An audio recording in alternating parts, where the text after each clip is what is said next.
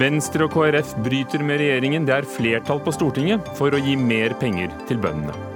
I Australia vil regjeringen der frata overgrepsdømte passet. Også norske politikere vil vurdere det samme, men vil det være mulig? Riksrevisjonen avdekker alvorlige mangler i departementene. De undergraver innsyn i forvaltningen, viser ny rapport. Og legg ned Økokrim. Det er en fare for rettssikkerheten, sier en erfaren advokat. Kampen mot økonomisk kriminalitet vil bli svekket, svarer Økokrim-sjefen.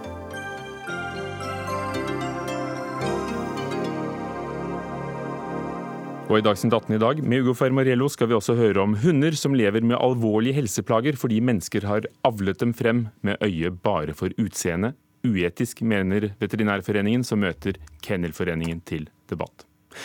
Men vi begynner med jordbruksoppgjøret. Det er altså blitt flertall på Stortinget for å gi mer penger til bøndene enn regjeringens forslag på 410 millioner kroner. Bondeorganisasjonene brøt tidligere i vår forhandlingene med staten om jordbruksoppgjøret i år. Og det innebærer altså at tilbudet blir oversendt til Stortinget og næringskomiteen, som etter planen skal avgi en innstilling 8.6.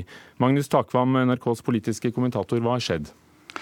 Nei, I dag har eh, alle partiene etter hvert klargjort sitt syn. Før eh, dagen i dag så var spenningsmomentene om Arbeiderpartiet eller partiet Venstre eh, ville skaffe flertall for regjeringspartiene Høyre og Frp for statens tilbud.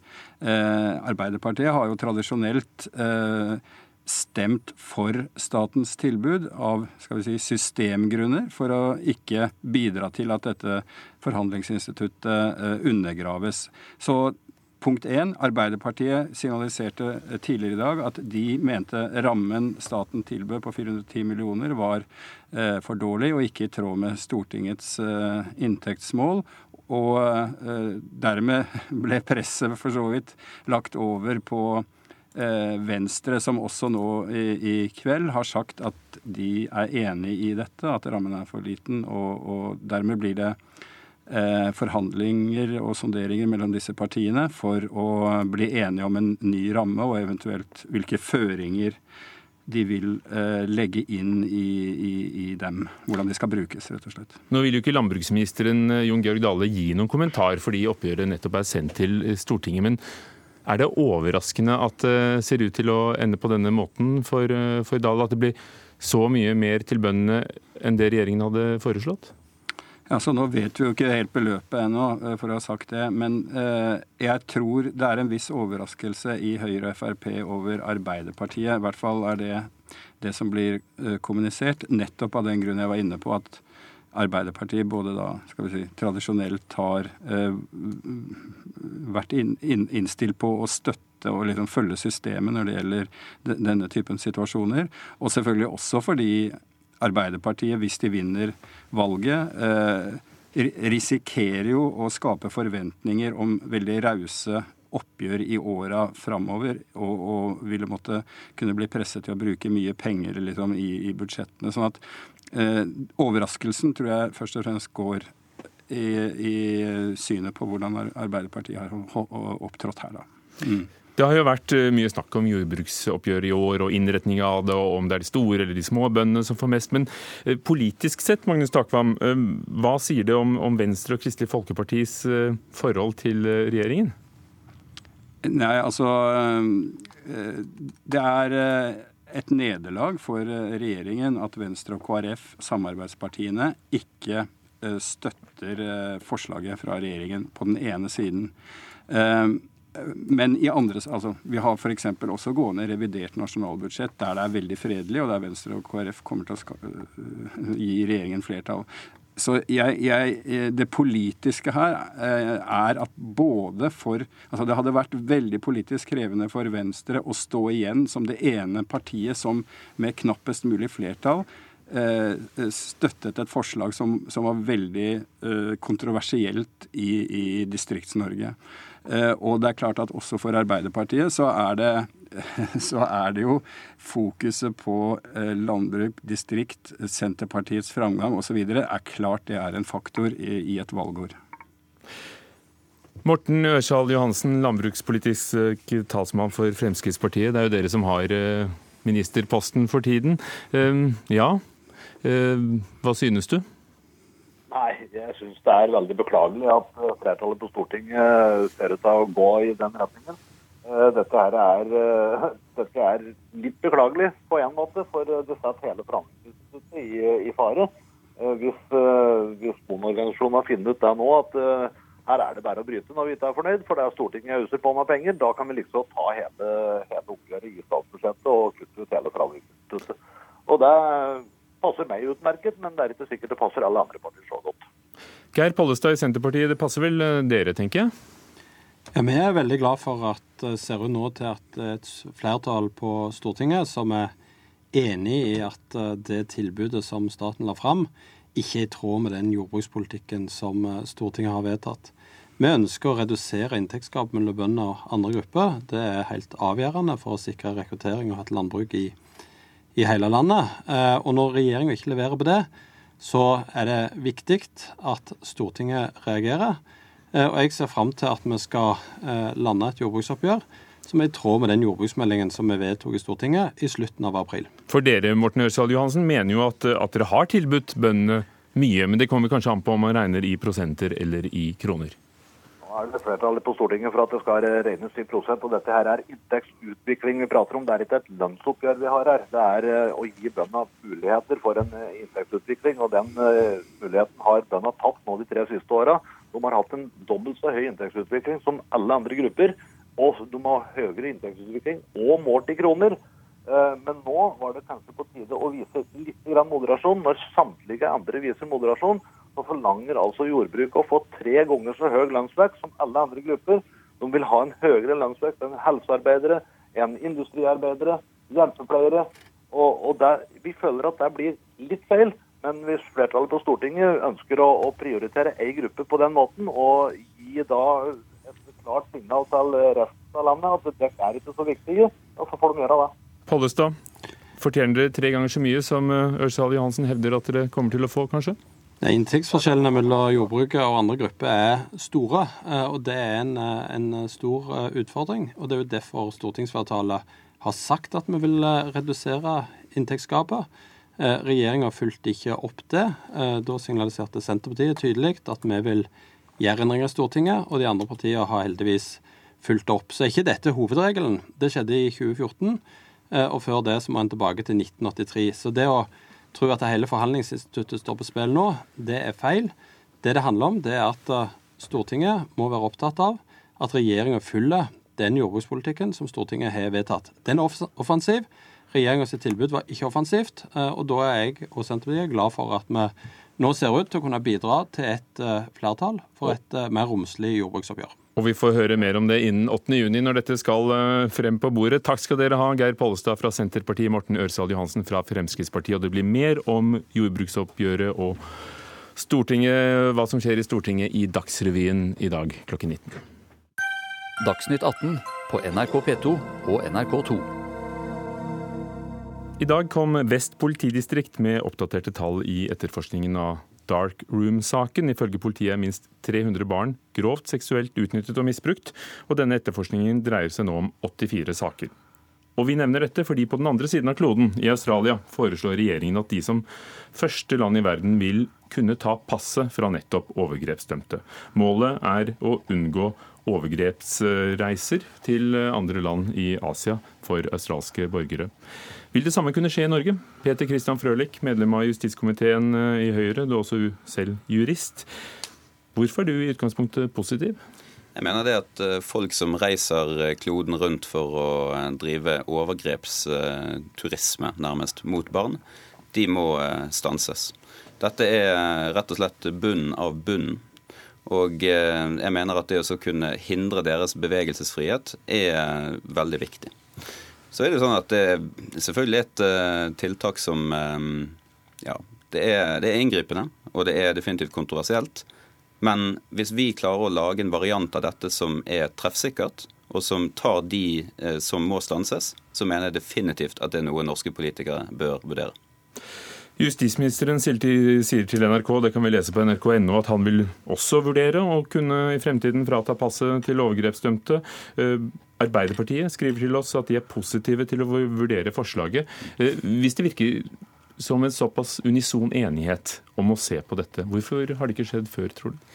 Nå er det sånn at Australia er første land ut i verden. Og eh, de har rett og slett eh, de har tatt steget. Vi andre eh, må rett og slett eh, inspireres av dette og eh, komme raskt etter.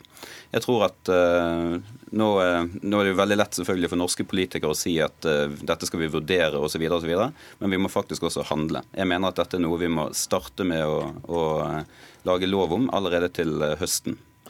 Line Hegna, kommunikasjonssjef i Redd Barna. Kollegaene dine i Redd Barna i Australia er eh, strålende fornøyd med forslaget fra den australske regjeringen. Det skal opp i parlamentet der om en måned, det er jo ennå ikke vedtatt. Vil du være like fornøyd om Norge fikk eh, tilsvarende forslag på bordet? Vi trenger nytenkning for å bekjempe grusom kriminalitet som rammer barn globalt i stort omfang. Eh, og mine australske kolleger har sagt at dette er bra, men at det er viktig eh, å se på dette i sammenheng med mange andre tiltak. Også fordi at mengden av overgrep som eh, forhindres potensielt av dette, er veldig lite sammenlignet med, med omfanget. Så man er nødt til å se på andre typer tiltak.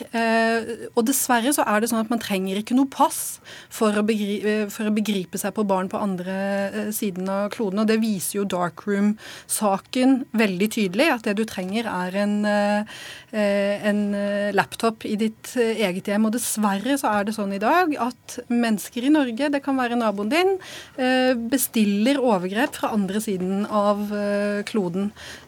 Og det trenger man altså ikke pass til. Frølik Darkroom-saken viser jo nettopp det at der er det mange av de mistenkte som nettopp har bestilt overgrep mm. i detalj, mm. bl.a. fra Filippinene, som de da, da får se på direktestrømmer på mm. nettet. Mm. Ja.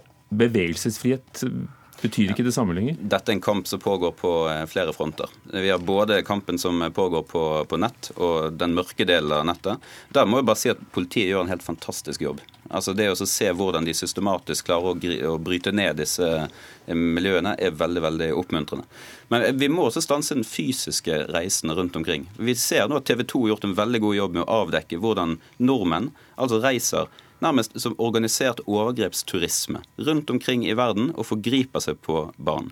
Der er det faktisk eh, sånn at vi bør eh, bruke de kraftigste virkemidlene for å stanse den type overgrep fra nordmenn i utlandet. Adele Matheson Westad, nestleder for Nasjonal institusjon for menneskerettigheter. Er det mulig å, å frata nordmenn passet og bevegelsesfriheten? Altså Det første som må sies her som er viktig, som de andre har vært inne på, er jo at det å bekjempe denne type overgrep mot barn er jo veldig eh, viktig. Og eh, spesialreportøren som jobber med denne type saker i FN har også påpekt at når man iverksetter tiltak i ett land, så flytter veldig ofte kriminaliteten seg til andre land. Sånn at man får en sånn forflytning av hvor eh, problemet er. Og det er nok bakgrunnen for at Australia nå har foreslått dette tiltaket, for å forhindre at folk i det hele tatt kan reise noe sted. Det er litt av bakgrunnsteppet.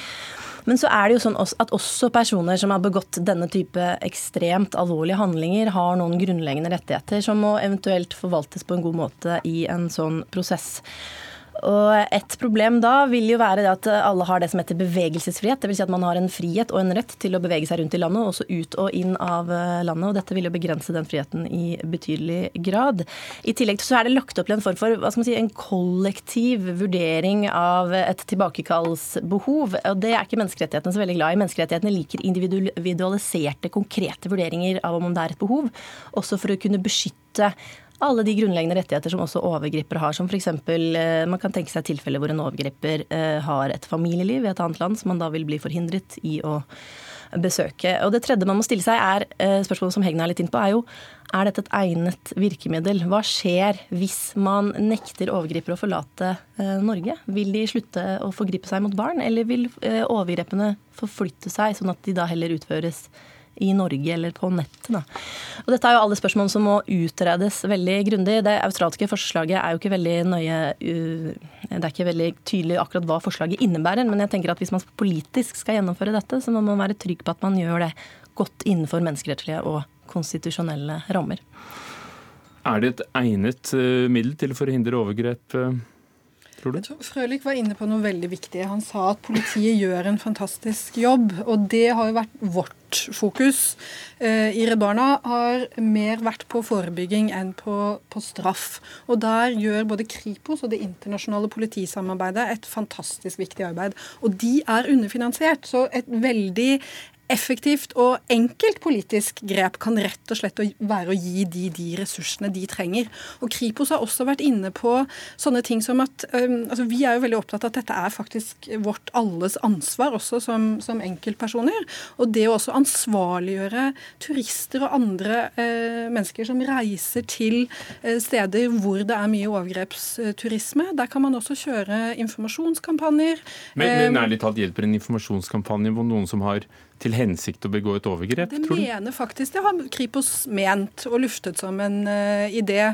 Og vi vet fra vårt arbeid at uh, bevisstgjøring og det at man faktisk snakker om og er oppmerksom på at denne type overgrep faktisk skjer nær deg, oftere og er mer alvorlig enn det man tror, det har en, det har en effekt. Men så er det som, som jeg tror vi alle her er enige om, at vi må snu alle steiner for å se hva er det vi kan gjøre på kort sikt og lang sikt for å forhindre at et eneste barn til blir utsatt for enorme overgrep. Frølich, ville det ikke blitt en dobbeltstraff? I, I Australia foreslår regjeringen å la dette til og med ha tilbakevirkende kraft til alle som står på et register over eh, overgrepsdømte. Det er ikke sikkert at vi skal eh, adoptere hele forslaget fra Australia. Vi må finne vår egen tilpassede eh, si, form eller metode i, i, Norge. Men det som jeg tror er litt viktig å minne på, er at vi har jo allerede Eh, tatt eh, passinndragelse i bruk som et virkemiddel i Norge. Denne regjeringen fikk jo nettopp vedtatt en lov som gjør det mulig å inndra pass til eh, fremmedkrigere. Folk som har intensjon om å reise til f.eks. Syria og utføre eh, terror og, og, krigsforbrytelser. De kan nå stanses. Man kan hindre deres bevegelsesfrihet. Det er et veldig inngripende tiltak. Det har kanskje preg av å være straff, men det er veldig effektivt for å eh, holde igjen den type eh, kriminelle. Vil det eventuelt vært en dobbeltstraff, eller skulle det sett så, bli sett på som en del av, av, dommen hvis dette skulle harmonert med menneskerettighetene?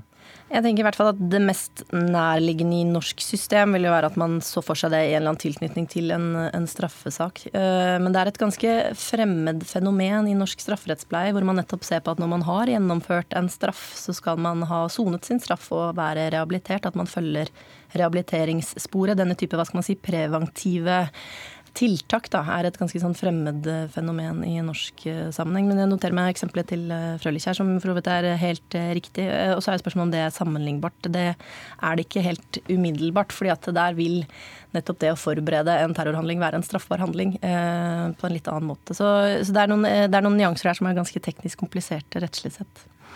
Og jeg, jeg, ser at man kan argumentere for at dette også har preventiv, uh, altså en preventiv effekt.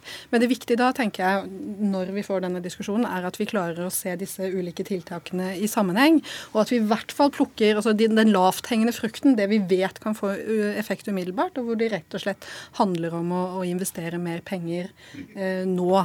Ut ifra tanken om at eh, rehabilitering er målet, Frølik vil ikke dette gå på tvers av eh, det å sone sin straff? Nei, eh, det vil det ikke gjøre. Eh, det er noe i, i, denne sakens natur som gjør at jo, man kan sone sin straff, men man vet også at si, tilbakefallsprosenten er dessverre ganske høy.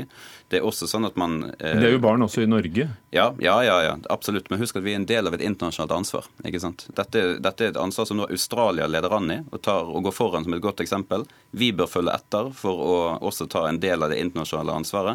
Ikke bare beskytte våre egne barn, men også barn i andre land. Adele Matheso Mestad, er det et godt eksempel Australia går foran med? Det er ikke helt eh, godt å svare enkelt eh, på det, men jeg tenker at det viktigste som politikerne må merke seg her, at hvis man skal gå inn på en sånn løsning, så skal man være sikker på at man gjør det innenfor de gjeldende menneskerettslige og konstitusjonelle rammene og holder seg godt eh, innenfor. Fordi ingen er tjent med at man på en måte bruker virkemidler på en feil måte for å bekjempe eller for, å, for gode formål. Og som vi hørte, både justisministeren og Arbeiderpartiet sier at de også vil vurdere forslaget til Australia om å frata overgrepsdømte pass, som altså skal opp i parlamentet der om en måned. Takk for at dere kom. Peter Christian Frølich fra Høyre, Line Hegna i Redd Barna og Adele Mathesa Mestad fra Nasjonal institusjon for menneskerettigheter. Dagsnytt 18 alle hverdager klokka 18.00 på NRK P2 og NRK2.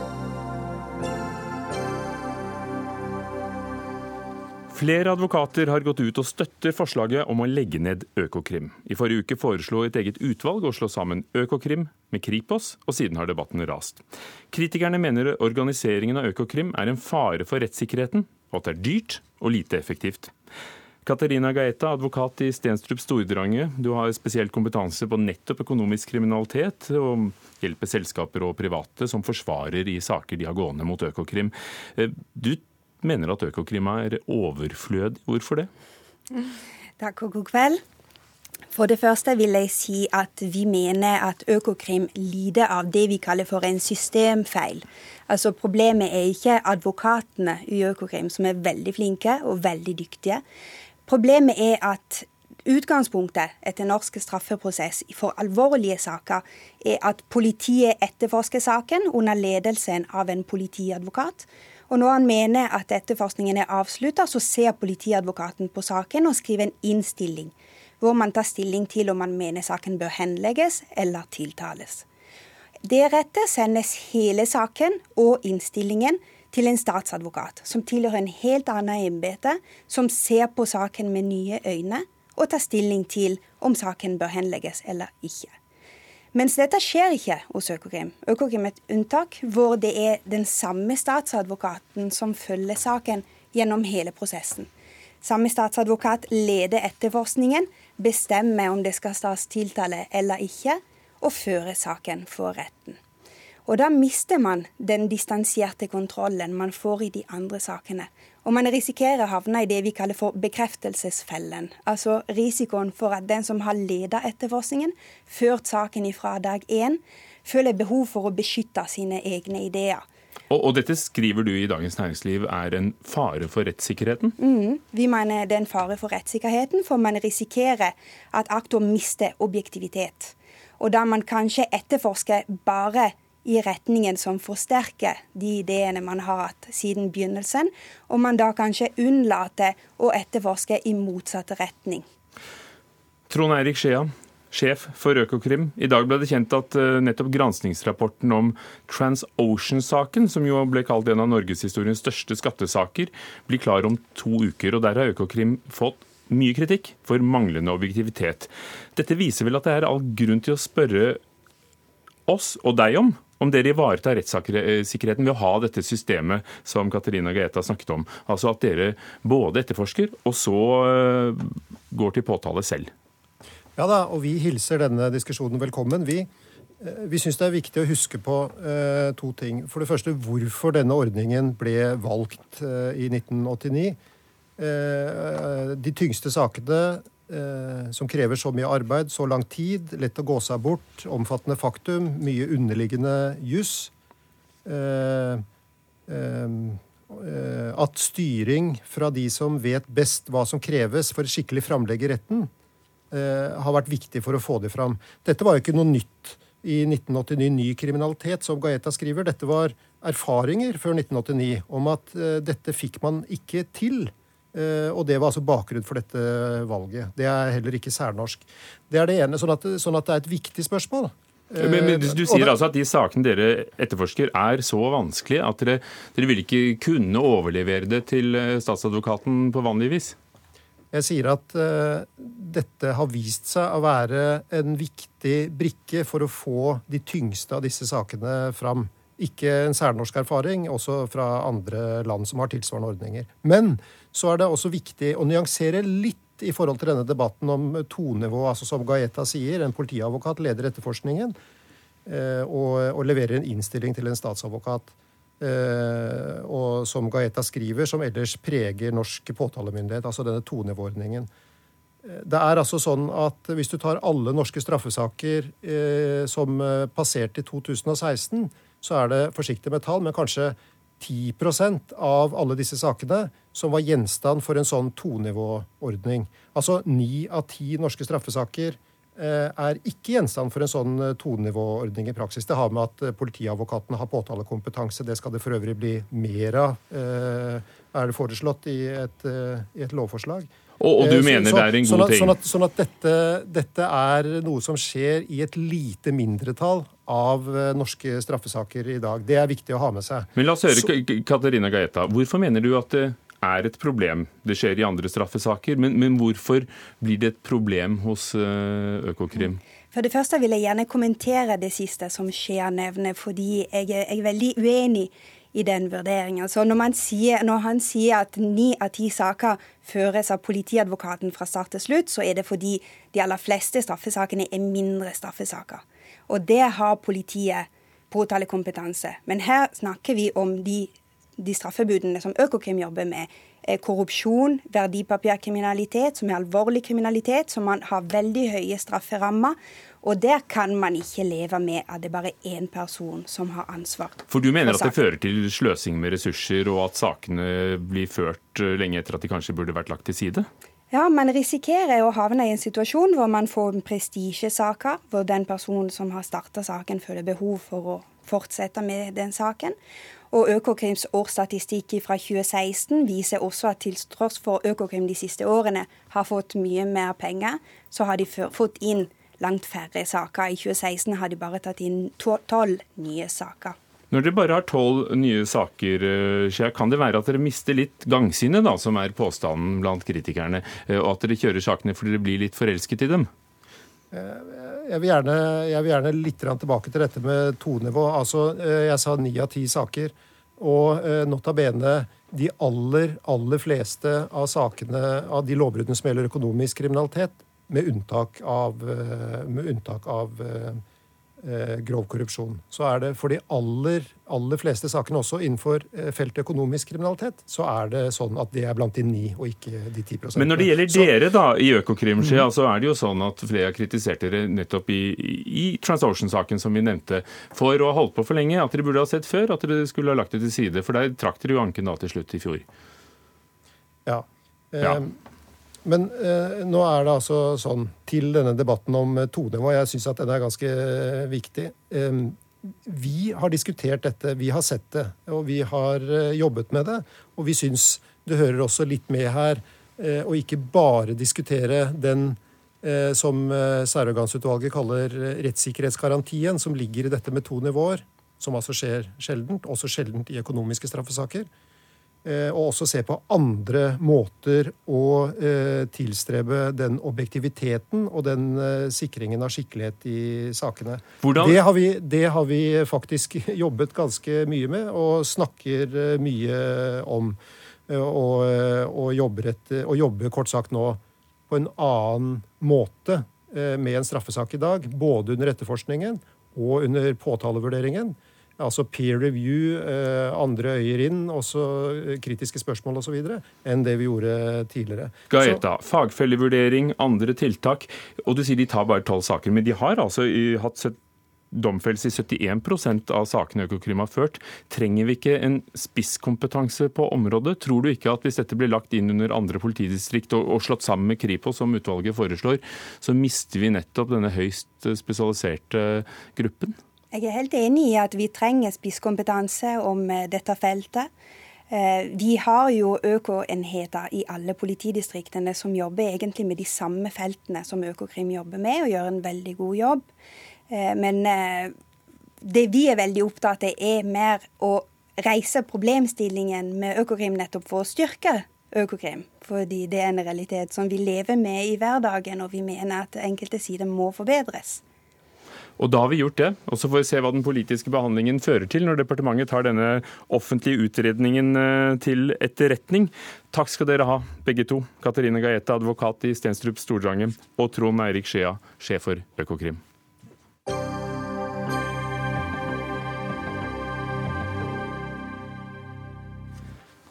Det er alvorlige mangler ved måten staten arkiverer dokumentene sine på. Riksrevisjonen offentliggjorde i ettermiddag en rapport som viser at mange departementer og statlige virksomheter langt ifra er gode nok til å gi innsyn og vise åpenhet, som de skal ifølge offentlighetsloven. Per Christian Foss, riksrevisor. Hva er det alvorligste du har funnet i det du la frem i dag? Det er generelt en nedslående rapport på flere områder. Men først er jeg så å si det positive, nemlig at Norge har en lovgivning på åpenhet som vel er av de beste i Europa. Men det er praktiseringen som svikter. Vi avdekker høyst varierende etterlevelse av lov, lov og regelverk i ulike departementer, og noen er skikkelig dårlige. Og jeg har lyst til å si rett og slett at jeg syns det er pinlig at Justisdepartementet, vårt, vår, vårt lovdepartement, tjokkfylt av jurister, er så dårlig som de er. Kommer ut på alle, alle målinger.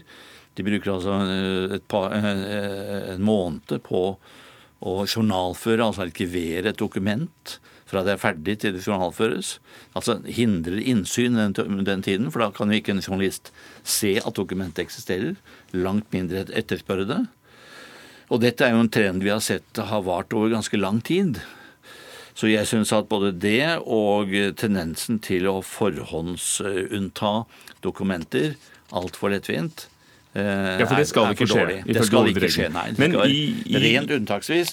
Og vi har satt en del uavhengige jurister som vi har bare leid inn, som har spesialister på forvaltningsrett, som har gått panel på fire jurister, som har gått gjennom ja, 240 tror jeg, saker som er forhåndsunntatt, og sier at i 60% av de kan de altså ikke se en åpenbar begrunnelse for å gjøre det med hjemmel i lov. Justis- og beredskapsdepartementet kommer altså høyest opp på den statistikken nå, og har forhåndsunntatt 46% av sine dokumenter. Men hva, hva går vi glipp av? Hvilke saker var det dere ikke fant? Det er jo en tendens til å unnta saker som er kinkige for departementet, hvor det er uenigheter. Det, det er altså ikke noen tilfeldigheter. Det er ikke noe sånn eh, slums eller tekniske feil. Det er nok et ønske om eh, å la være å arkivere en del saker fordi de er vanskelig for enten politisk ledelse eller departementet som sådan. Og det man da gjør, er jo nesten å fjerne de fra også den historiske hukommelse. Husk på, da, da, eksisterer liksom ikke dokumentet før du kommer inn i arkivet igjen. Eller ser du dokumentet, så kan du begjære det eh, ja, men da må, frigjort? Det, da må det først i arkivet, og så må det journalføres. Og så må det selvfølgelig merkes om det er Det kan godt tenkes at det skal unntas offentlighet hvis det er f.eks. For forretningshemmeligheter i Næringsdepartementet, eller hvis det er personalsaker. Men eh, det vi jo ser, er at man ikke engang legger det i arkivet, eller ikke engang journalfører det. Og da hindrer man offentlighetsprinsippet i lovverket skal skje fyllest. Du har jo selv bestyrt et departement. Ja. Hvorfor er det blitt sånn, tror du? Er det, er det verre nå? Det vi, eh, Riksrevisjonen har ikke undersøkelser over tid som kan si om det var bedre eller verre for 10 eller 20 år siden. Pressen har gjort jevnligere undersøkelser selv, men da mer basert på stikkprøver. Så min analyse må basere seg på egentlig jeg tror jeg vil gi to årsaker. Det er en tendens, en kultur i departementet til for mye hemmelighold. For lite åpenhet i pakt med loven. Og så er det nok en del tekniske løsninger også for de som opererer nå med med brev på, på data og, e-post og alt dette, som er lite praktikable i forhold til offentlighet. Så jeg tror ikke det er uvilje over hele forvaltningen, men det er en tendens i deler av forvaltningen til å, til å ikke ta hensyn til loven. Så løsningen ligger i å ha bedre kultur, og det krever bedre ledelse fra toppen. Siri Gjedde Dahl, takk skal du ha, Per Kristian Foss. Du, kan, du, du, får sitte og lytte til debatten. Takk. Siri Gjedde Dahl, Leder Pressens offentlighetsutvalg. Disse funnene ligner jo litt på det dere fant i en rapport tidligere i år. Hva synes du om rapporten fra Foss? Ja, jeg synes først og fremst at Den er selvfølgelig graverende og veldig alvorlig. Eh, og, eh, men dessverre ikke overraskende. Ved Bits and Pieces så har vi dokumentert eh, mye av dette tidligere. Men det er, veldig, det er en veldig viktig rapport at de har på egen kjøl gjort disse undersøkelsene. Kinkige saker nevnte Foss. Hvilke saker ja. er det vi vi ikke vil finne dokumenter om? Ja, det, altså, det, er noe av det mest alvorlige de har avdekket. Det er bevisst hemmelighold i kontroversielle saker. Dette har vi snakket mye om før, men her har de funnet fram til enkeltsaker fordi de har gått på innsiden og sett på dokumentene. Og sånn som en stor eh, IKT-satsing i, i, politiet, som ble skrinlagt etter å ha brukt 250 millioner eller noe sånt. Korrespondansen omkring dette er ikke arkivert og journalført som det skal. Høyst mangelfullt, vanskelig å finne tilbake i. Forholdet til Kina de siste årene, det er en masse dokumenter som ikke er arkivert og journalført som de skal. Beslutningen om ikke å møte Dalai Lama i 2014, den er eh, også veldig mangelfullt dokumentert og journalført. Utredning om forholdet, altså Norges norsk bidrag i kampen mot IS, er også det eksempelet på kontroversielle, vanskelige saker hvor det mangler en masse dokumenter i arkivene og i journalene. Og det er ikke tilfeldig, tror du? Nei, det tror jeg ikke er tilfeldig. Og det er det som er det mest eh, alvorlige ved det. For det er jo også systemsvikt de, de, over en, en bred front. De, de, eh, dokumenterer når de viser til sen journalføring og tilbakeholdelse og forhåndsunntak og sånn. Men dette er spesifikt kontroversielle saker hvor det er lite spor i journalen av hva som egentlig skjer. Og vi har jo spurt da, i ettermiddag Justis- og beredskapsdepartementet, som var verst på listen, og, Arbeids- og sosialdepartementet og Energidepartementet på, om å stille. Men eh, ingen Eh, av disse tre departementene har klart å stille. Det var jo fordi vi hadde spørsmål i forbindelse med denne rapporten fra Riksrevisjonen.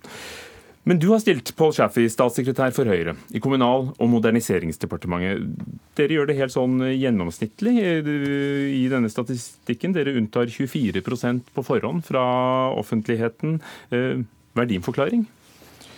Uh, nei, Først sier jeg at jeg er veldig enig i premisser for diskusjonen. Altså Åpenhet uh, er uh, avgjørende for at vi skal ha tillit til, til, forvaltningen, til myndigheter, til politikere, og en forutsetning for demokrati. Så er og en det lov. sånn Mm. Og en lov. Offentlighetsloven. Og en lov. Og, og, og, vi er enige om at vi har en av de mest moderne og, beste eh, lovgivningene i verden. Og Riksrevisjonen går igjennom eh, departementene, håndteringen som jo viser at uh, veldig mange gjør akkurat det de skal gjøre, uh, og praktiserer dette på en, uh, en god måte. og så er det sikkert noen saker man kan måtte, diskutere om er håndtert riktig. Men så er det jo interessant å se at det er ganske store forskjeller mellom departementene. Og Riksrevisjonen påpeker også noen feil og mangler, og kommer med en del forslag. Er det en alvorlig rapport? Ja, det er, en, det er, en, viktig rapport. fordi det er helt grunnleggende for demokratiet at dette fungerer, og at vi har tillit til det, og at det ikke er noe mistanke om at noe blir gjemt bort som ifølge lovverket eh, skal være offentlig. Men siden, siden verstingen ikke ville stille, da, så spør, spør jeg deg igjen. Eh, hvorfor forhåndsunntar dere dokumenter en gang iblant? Nei, Når hovedregelen er at man ikke skal det? Nei, men Jo, hovedregelen er det. Og så er det noen type saker som, som skal unntas fordi eh, det er opplysninger i de som ikke hører hjemme i offentligheten. Og, og Per Christian Foss nevnte noe av det. Altså personopplysninger, ting som har med rikets sikkerhet å gjøre. Det kan være forretningshemmeligheter. Men det interessante her er jo gjennomgangen av om det er brukt som begrunnelse på områder hvor det ikke er riktig å bruke som eh, begrunnelse, sånn at man eh, på en måte ikke har åpenhet om dokumenter som, som hører hjemme i offentligheten. Og, og Siri, Siri Dahl, Det er jo helt legitime grunner noen ganger til å holde ting hemmelig, kanskje nettopp i forbindelse med, med utenrikspolitikk som forholdet til så, Kina? Men det skal stå i journalen likevel. Du skal kunne identifisere dokumenter. Man må skille mellom det at det skal journalføres og vurderingen av om det skal gis innsyn. og Det er veldig viktig. Du, vi kan ikke spore det i det hele tatt og utprøve innsynet. Og når du vet at over en tredjedel av sakene som de har testet nå og overprøvet, så er det ikke hjemmel for å unnta det de unntar. Og når de der til har en masse forhåndsunntagelser, så er det veldig alvorlig. Mm. Og jeg er ikke helt enig med Shafi når han sier at eh, så er det en del saker hvor det kanskje ikke har vært så bra. Altså for Departementene bruker hele tiden det at vi, og vi er så flinke i så mange saker, og det hjelper ikke at de leverer ut 10 000 saker veldig greit hvis det er 50 veldig kontroversielle saker de holder tilbake. Og det er noe av det de har vist her som er veldig alvorlig. For da er det en slags styring og inngripen som er politisk motivert, som er alvorlig. Og, og det handler jo om, om, hva vi får se, også av det som, som er hemmelig. Riksrevisjonen påpeker at f.eks. For Forsvarsdepartementet selv ikke klarte å finne frem til dokumentene som gjaldt salg av to uh, gamle jagerfly, uh, og at de måtte få Økokrim til å hjelpe seg. og, og Ditt departement har jo ansvar nettopp kanskje for, disse, for forvaltningen, for disse rutinene vi har for å forvalte papirene og de elektroniske papirene? Ja, Det er to ting å si til det. Det ene er at hvert departement har et ansvar for å følge loven. Det er veldig fornuftig. Da vet man hvem man skal Men Problemet er jo at det, det skjer ingenting hvis de ikke gjør det. Det er ingen Jo, det gjør jo det. Og blant Nei, annet så gjør det det fordi, media, men fordi Jo da, men, men, jeg mener når Riksrevisjonen lager en rapport som dette, som synliggjør hvor det er feil og mangler, så blir det jo uh, fulgt opp. Men, men, det andre poenget er at i tillegg til å være ett av flere departementer, så har Kommunal- og moderniseringsdepartementet, som du spurte om, et ansvar for tiltak. Og Riksrevisjonen peker også på noen tiltak det er viktig å gjennomføre. Det er særlig på to områder. Det ene er at de mener at kompetansen uh, ikke er høy nok på håndteringen av sakene, sånn at man kan da gjøre flere feil enn man vil gjøre hvis man har den kompetansen man trenger. Og det andre er på systemsiden, som blir nevnt her. Et lovverk som er tilpasset en papirvirkelighet, og for så vidt også IT-systemer som, som er, er, på en måte laget for å håndtere ting elektronisk, men som gjør det upraktisk. For elektronisk dokumenthåndtering er jo slettes ikke noe nytt. Nei, men, men, det er jo noe med at vi kommuniserer i flere kanaler enn før. Det er også sånn at lovverket har utviklet seg i positiv retning, i den forstand at det er åpenhet om mer enn det har vært tidligere. Og, og da er det jo også men, Hvordan forklarer du at det rammer da spesielt saker om f.eks. salg av FM jagerfly, Norges forhold til Kina, eh, hvorfor man ikke møter Dalai Lama? Er, er arkiveringen spesielt trøblete i de sakene? Nei, Jeg tror de sakene Riksrevisjonen peker på, som, de, som, som har vært uh, trøblete, eller som, som, de kommer med kritikk av, har ikke først og fremst med systemene å gjøre. Uh, men det at systemene ikke er gode nok, kan gjøre at det generelt tar for lang tid før saker kommer i postjournalen, og at det er vanskeligere å finne fram der. Uh, så, så, det er liksom diskusjoner på litt ulike plan. Men, men, Kultur eller systemer? Det er, ja, det er, det er, begge deler. Men man skal ikke gjøre dette til en teknisk debatt om systemer. For det er veldig store forskjeller på hvordan departementene eh, mestrer dette her med å journalføre raskt, f.eks. Men jeg vil bare si at det at det ikke er sanksjoner mot grove brudd på loven, det er et kjempeproblem. Det er helt risikofritt å bryte loven. Vi mener jo at det skal være sanksjoner for grove brudd. Og denne rapporten viser det. Eh, Foss sa på pressekonferansen i dag at en lov uten sanksjoner er en svak lov. Vi har en svak lov, dessverre.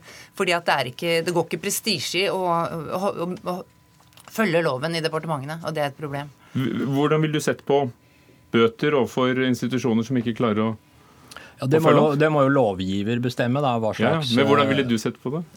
Nei, jeg, jeg, altså, Det er feil å si at det ikke er sanksjonsmuligheter. Det er jo sånn at Man kan f.eks. ved innsynsbegjæringer anke ting. Man kan anke til Kongen i statsråd. Man, vi har en sivilombudsmann som, som, blir brukt i den type saker.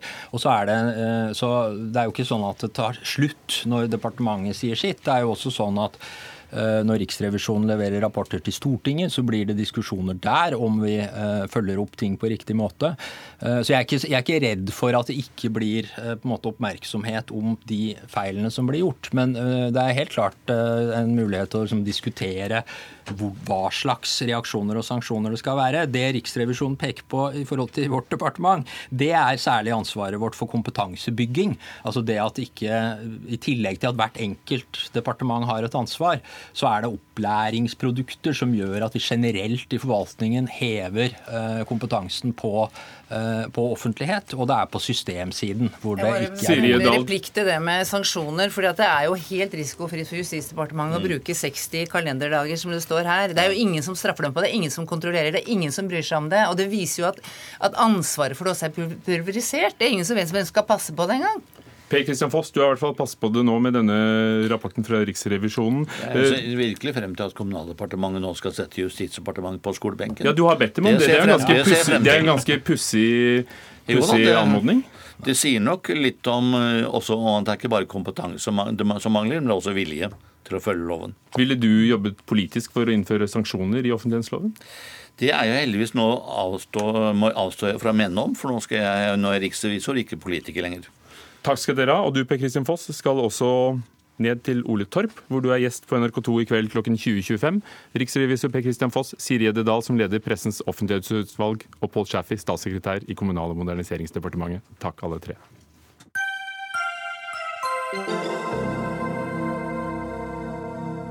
Senere i Dagsnytt 18 skal det handle om frelse og avlat, salmesang og latin. Hva har reformasjonen brakt oss? Kirken sprer propaganda om Luther, sier en forsker som møter Kirkerådet til debatt. Men det er senere. Først om hunder. For små hodeskaller, dårlig lungekapasitet og skjøre knær. Dette er ganske vanlige helseplager for mange hunder i Norge.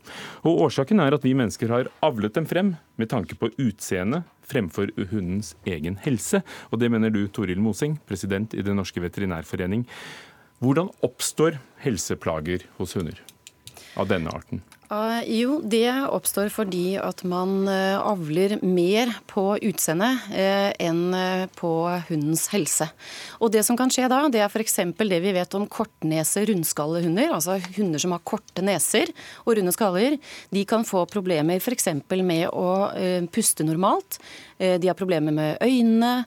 Og det er en del ting som oppstår da fordi at rett og slett anatomien er så vanskelig at det ikke fungerer sånn at de får gjort normale ting som å puste normalt, f.eks.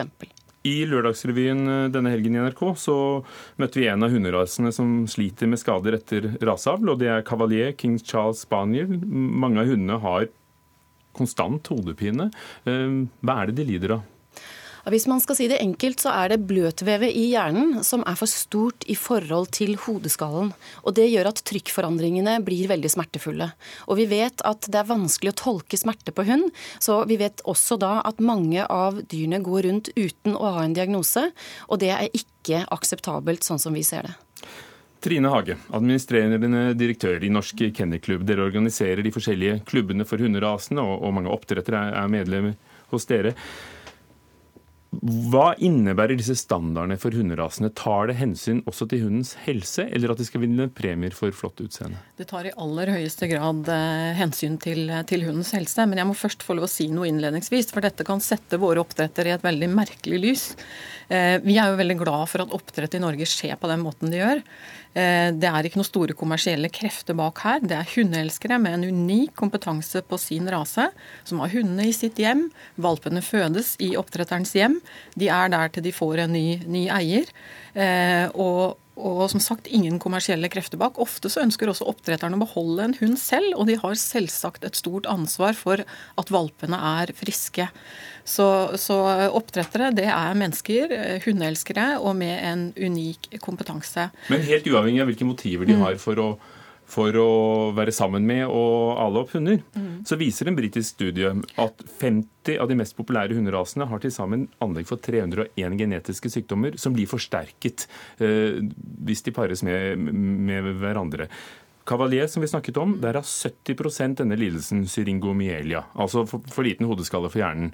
Hvordan kan det skje hvis, hun, hvis standardene deres også skal legge vekt på helsen? Ja, altså For det første så er det uenighet om omfanget av den lidelsen. Men det ønsker ikke vi i Norsk Kennelklubb å bruke så mye tid på. For vi tar den lidelsen alvorlig fordi det har så store konsekvenser. Og når det gjelder standarden akkurat for, for rasen kavalier, så viser jo den siste forskningen på hodeskallen til kavalier at det er to ting som øker risikoen for syriomyeli. Og det er altså en forkortning av skallen, og det er at hunden etter hvert får en veldig rund hodeskalle. Men rasestandarden til kavalier sier tvert imot at den skal være helt flat mellom, mellom ørene. Så det er ingenting i rasestandarden som sier at kavalieren skulle få denne, denne lidelsen.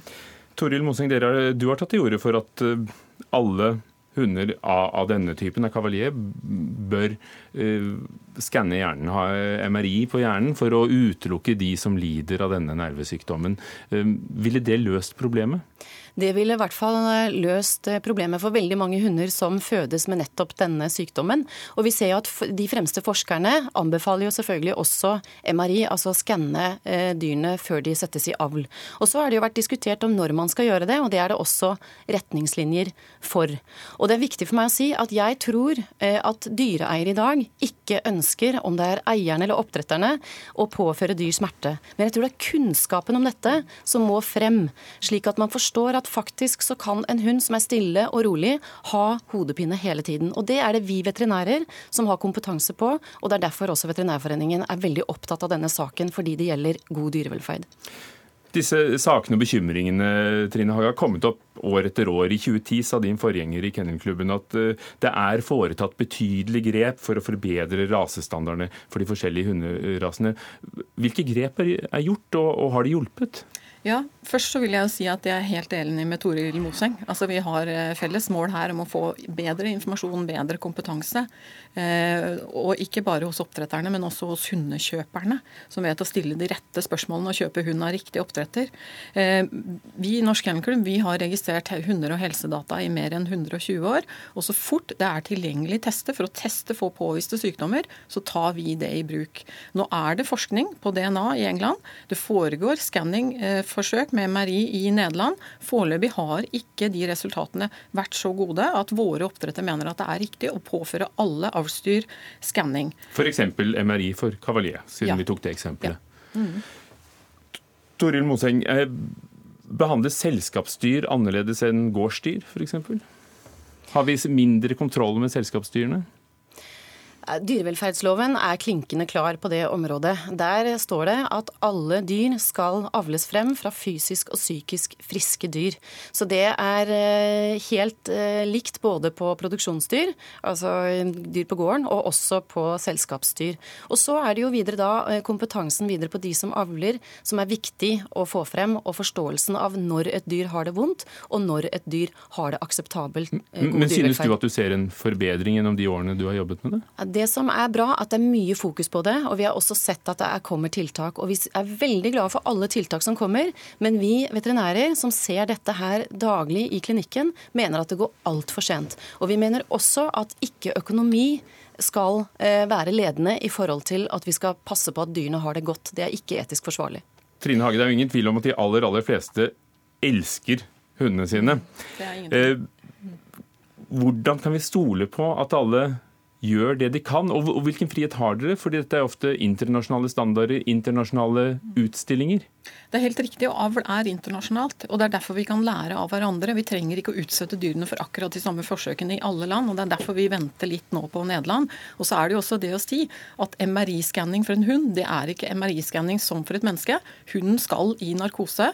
Det har en risiko, og det har selvsagt et ubehag for hunden. Men hender at vi er for opptatt av hvordan de ser ut, og at de skal være søte og ligne litt på oss? Ja, dessverre. Det fins jo unntak. Det skjer jo det. Men jeg tror det blir for enkelt å legge skylden på rasestandarden. Den sier nemlig ikke at hunden skal se ut sånn at den får økt risiko for dette.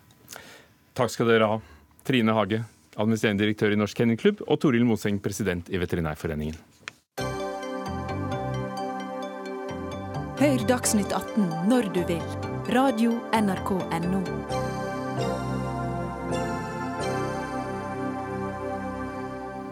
Reformasjonen har gitt oss Bibelen, gudstjeneste, salmesang og trosopplæring på morsmålet. Slik kan alle ha direkte tilgang til Guds ubetingede nåde. Dette er beskrivelsen Den norske kirke gir om reformasjonen, som feires i år, siden det er 500 år siden Luther kom med sine teser som han kanskje spikret opp på kirkedøren i Wittenberg. Men disse to setningene har provosert eh, Sigurd Hareide, høyskolelektor på Høgskolen i Sørøst-Norge, som forsker nettopp på reformasjonshistorie. Sigurd Hareide, til Vårt Land kaller du dette propaganda fra 1500-tallet.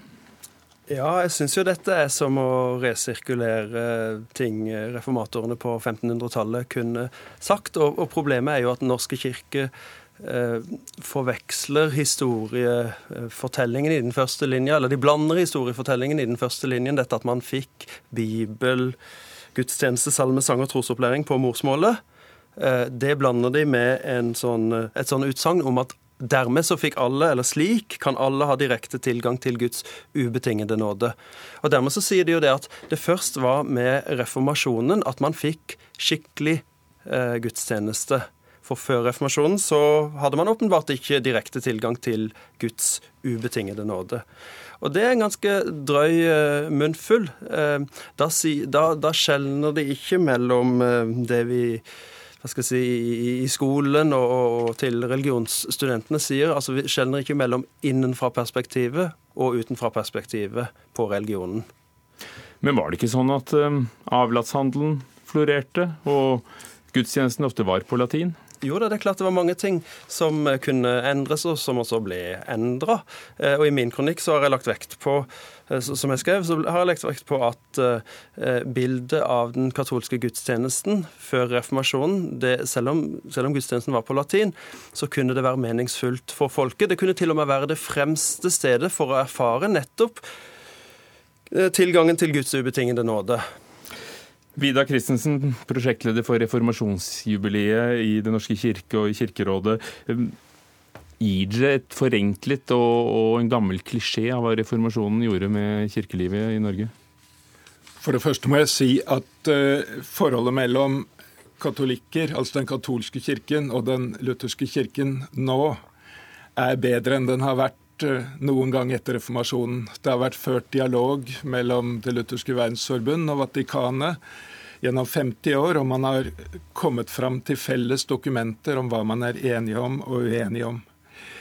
De to bitte små setningene som Sigurd Hareide eh, tar tak i, eh, og som han etter min mening leser mye inn i, som ikke står der, eh, det er altså to setninger fra et uh, veldig knapt dokument som i hovedsak dreier seg om hvordan Den norske kirke vil organisere uh, reformasjonsmarkeringen. Så du anerkjenner at det var både direkte tilgang til Guds ubetingede nåde uh, og, og både bibel og gudstjeneste før 1536 i Norge?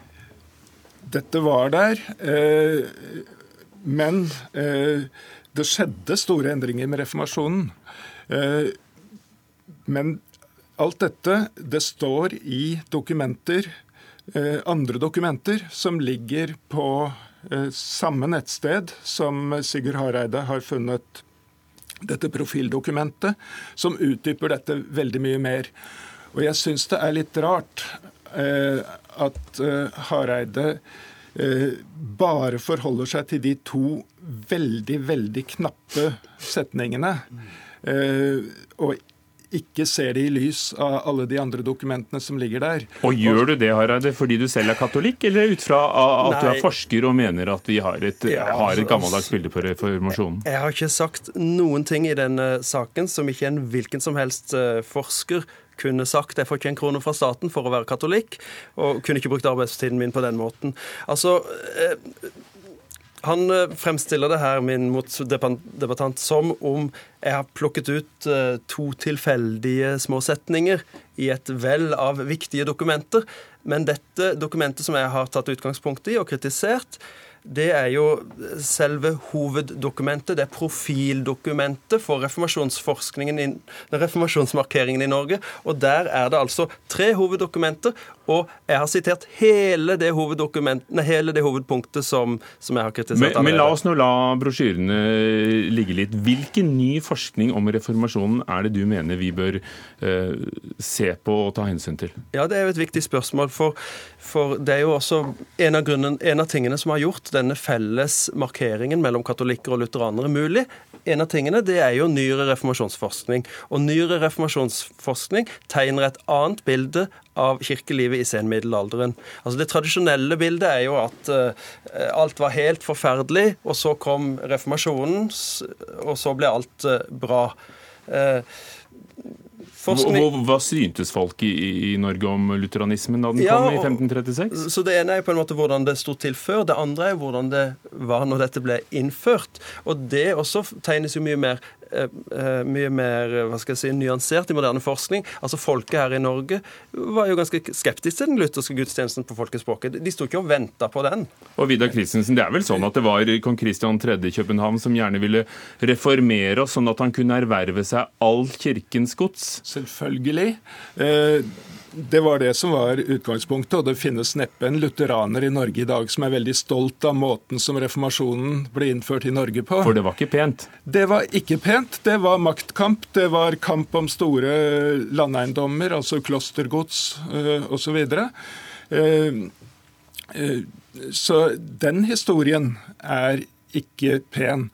Men når Hareide leser den historien inn i disse to setningene her sånn, så mener jeg han legger ting inn der som det ikke er rimelig å legge inn i, de, i tolkningen av de setningene. Eh, og som det fins så mye annet stoff fra Den norske kirke i forbindelse med reformasjonsmarkeringen som eh, viser at dette ikke er en rimelig måte å tolke det på. Men når du selv påpeker at eh, kirkene, den katolske og den norske, er, er enige om feiringen. Leser du det som, som fanden leser Bibelen? Ja, altså Det, det, det gjør jeg ikke, men, men, men, for min del så har det vært viktig å ta utgangspunkt i disse fellesdokumentene som katolikker og lutheranere har laget. Eh, og så Når jeg leser dette profildokumentet til, Nor til Den norske kirke, så syns jeg ikke det stemmer med tonen i fellesdokumentene internasjonalt. Jeg tror hvis hvis de hadde skrevet det på denne måten, så hadde det ikke blitt noe felles dokument. Vi kommer tilbake til det. Det er 500 år siden eh, Luther eh, kom med tesene sine. Takk skal dere ha. Sigurd Hareide ved Høgskolen i Sørøst-Norge, Vidar Christensen fra Kirkerådet.